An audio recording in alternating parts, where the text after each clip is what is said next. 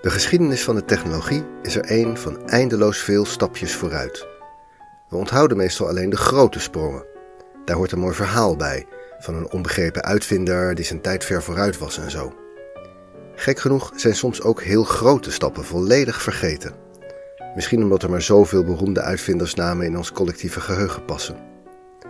De uitvinding van vandaag is een enorme stap in de geschiedenis van de communicatietechnologie. Nadat de snelheid van het overbrengen van een bericht duizenden jaren was bepaald door hoe snel een paard kan galopperen, werd die bovengrens verpletterd door de uitvinding van Claude Chappe, de optische telegraaf. Nooit van gehoord misschien? Dit is voorlopig de laatste aflevering van Nooit Geweten. Aan het eind zal ik uitleggen hoe en waarom. Geen zorgen, ik hou er niet mee op. Nu eerst. Als afsluiter van het eerste seizoen van Homages aan Wikipedia is hier Nooit Geweten, aflevering 12. Als er wordt gepraat over de snelheid van een communicatieverbinding, bijvoorbeeld je internetverbinding thuis, dan zijn er twee verschillende waarden die ertoe doen. De ene heet bandbreedte en de andere latency. Daar hebben we duidelijk geen lekker Nederlands woord voor. Het is zoiets als vertraging. Maar in de praktijk wordt altijd het Engelse woord gebruikt, dus dat doe ik hier ook maar. Latency is hoe lang het duurt voordat het eerste stukje van een berichtje aankomt aan de andere kant van je verbinding. Vaak wordt latency ook gemeten als tijd om een heel klein berichtje heen en weer terug te sturen. Dat meet makkelijk vanaf één punt. Dat heen- en teruggetal noemen we op internet de ping latency. Het is een getal dat je graag zo laag mogelijk wilt houden, maar het kan nooit nul worden, want de snelheid van het licht is de theoretische ondergrens. Bandbreedte is iets heel anders. Bandbreedte is hoeveel informatie je per seconde naar de andere kant van de verbinding kan krijgen. Voor de meeste soorten van berichten hebben we tegenwoordig het internet. Het heeft een best goede bandbreedte bij een best acceptabele latency voor heel veel toepassingen. En het is niet duur. Om het verschil tussen bandbreedte en latency te snappen, kunnen we het beste naar een paar extreme gevallen kijken. Geval 1. Online gaming. Als je online een multiplayer actiespel speelt, wordt er de hele tijd informatie verstuurd tussen jouw computer, de computers van de andere spelers en meestal ook nog een computer waar de maker van het spel centraal alles bijhoudt. Als jij en je tegenspeler tegelijk in een ruimte terechtkomen, dan stuurt de centrale computer jullie allebei tegelijk informatie over waar de andere speler staat. Jullie zien dat op je scherm en met jullie bliksemsnelle reflexen schieten jullie allebei op de ander en springen dan allebei opzij om haarschoten te ontwijken. Als de latency van de berichtjes tussen de computers voor jou 50 milliseconden korter is dan voor je tegenspeler, dan zie jij haar 50 milliseconden eerder en je schiet ook 50 milliseconden eerder. En die informatie gaat terug naar de centrale computer en jouw schot en duik komen daar 100 milliseconden eerder aan dan die van je tegenspeler. De centrale computer gaat nu bepalen wie er op tijd wegdook en wie er raak schoot. Pech voor je tegenstander, ook al schoot ze net zo snel. Games hebben vaak helemaal niet zoveel bandbreedte nodig, maar een hoge latency kan het spel helemaal verpesten. Zeker als je tegen anderen speelt met een betere latency. Professionele gamers proberen altijd te spelen vanaf plekken die dicht bij de internet backbone zitten en niet te ver van de plek waar de servers van de specifieke game staan. Dan heb je de laagste latency. Geval 2. Een vrachtwagen. Als je heel veel informatie moet verplaatsen, van bijvoorbeeld het ene datacenter naar het andere, dan is de makkelijkste manier natuurlijk versturen via internet. Maar die bandbreedte is niet oneindig. Als het uploaden van één foto bijvoorbeeld 5 seconden duurt, dan duurt het uploaden van 100.000 foto's ongeveer 6 dagen. Een 10 miljoen foto's duurt dan dus bijna 2 jaar. Latency helpt hier niet. De latency van je internetverbinding is prima. Binnen 30 milliseconden is het eerste stukje van de eerste foto aan de overkant. Maar er kunnen er maar zoveel per seconde doorheen. We hebben meer bandbreedte nodig. Desnoods ten koste van latency. Bijvoorbeeld door 50 USB-disks van 1 terabyte in de laadbak van je auto te leggen en ermee naar het andere datacenter te rijden. Een pakket USB-disks in een auto of vrachtwagen heeft een heel lage latency, maar ook een heel hoge bandbreedte, veel hoger dan de beste internetverbinding.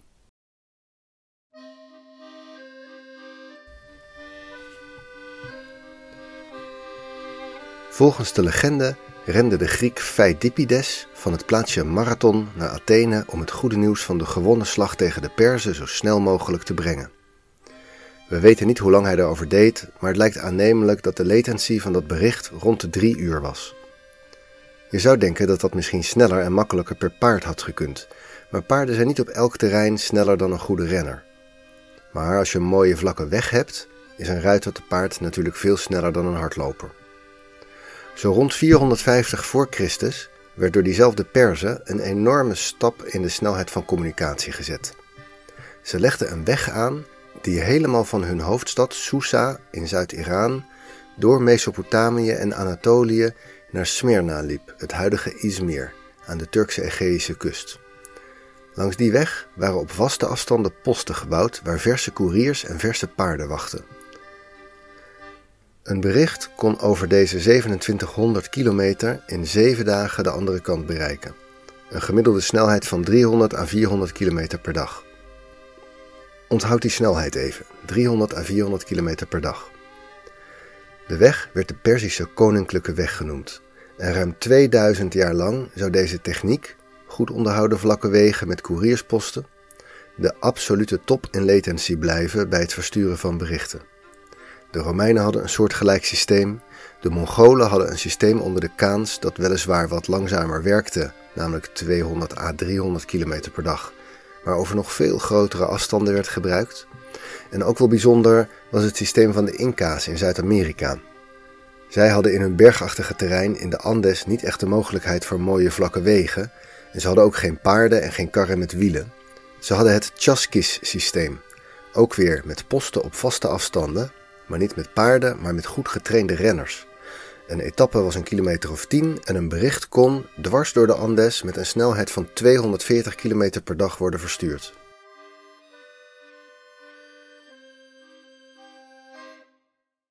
Het systeem met goed onderhouden wegen en tussenstations met verse paarden was dus lange, zeer lange tijd de snelste manier om berichten over te brengen. De bandbreedte was ook lang niet slecht want zo'n ruitertas kon hele boeken en informatie bevatten. Maar het veronderstelde ook een grote centrale organisatie. En het was ook best duur, met name in het onderhoud van wegen waarover paarden in vliegende galop konden voortrazen.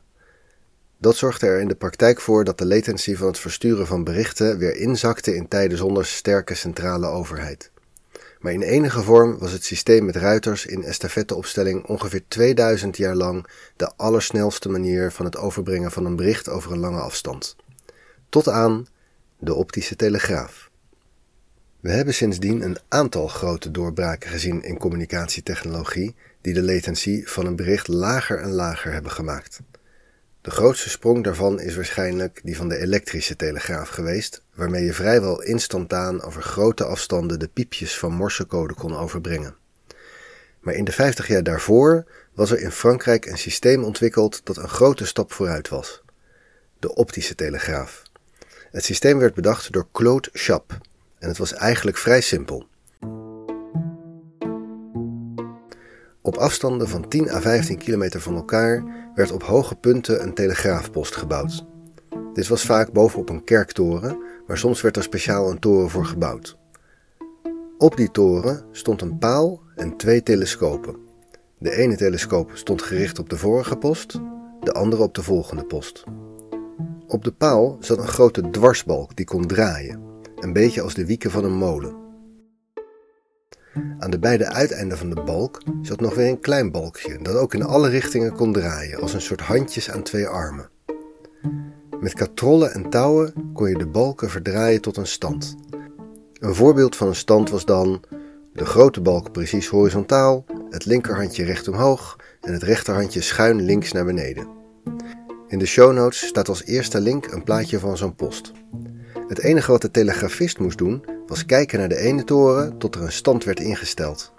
Dan moest hij precies dezelfde stand op zijn eigen toren instellen. Vervolgens keek hij naar de volgende toren en wachtte tot die dezelfde stand had aangenomen. Dan ging hij terug naar de eerste kijker, waar inmiddels de volgende stand te zien was, enzovoort. Op die manier kon je 196 verschillende standen instellen. Een aantal daarvan werd niet gebruikt omdat ze van afstand moeilijk van elkaar te onderscheiden waren en bleven er 92 goed herkenbare symbolen over. Daarbij hoorde dan een codeboek. Je wachtte telkens twee symbolen af. Het eerste stond dan voor een paginanummer en op elke pagina stond een genummerde lijst met woorden en frases waar je met het tweede symbool de juiste uitpikte. De operators op de torens hadden dat boek niet nodig en het ging ze ook niets aan wat er in de berichten stond. De eerste lijn die werd aangelegd was tussen Parijs en Lille, een afstand van 230 kilometer. De tijd die het duurde voordat het eerste symbool van het Parijs via 15 torens in Lille was aangekomen, was ongeveer 9 minuten. Dat komt overeen met 36.000 kilometer per dag. Het record van de oude Perzen werd verpulverd. De bandbreedte was wel vrij beperkt.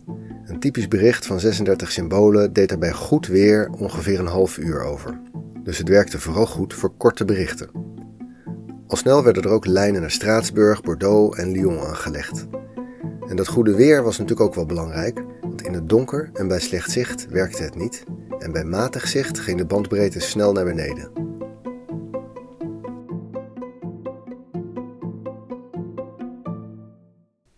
Toen in 1810 het Koninkrijk Holland werd ingelijfd bij het Franse Keizerrijk, vond Napoleon Bonaparte het ook meteen belangrijk dat de telegraafverbinding werd doorgetrokken naar Amsterdam.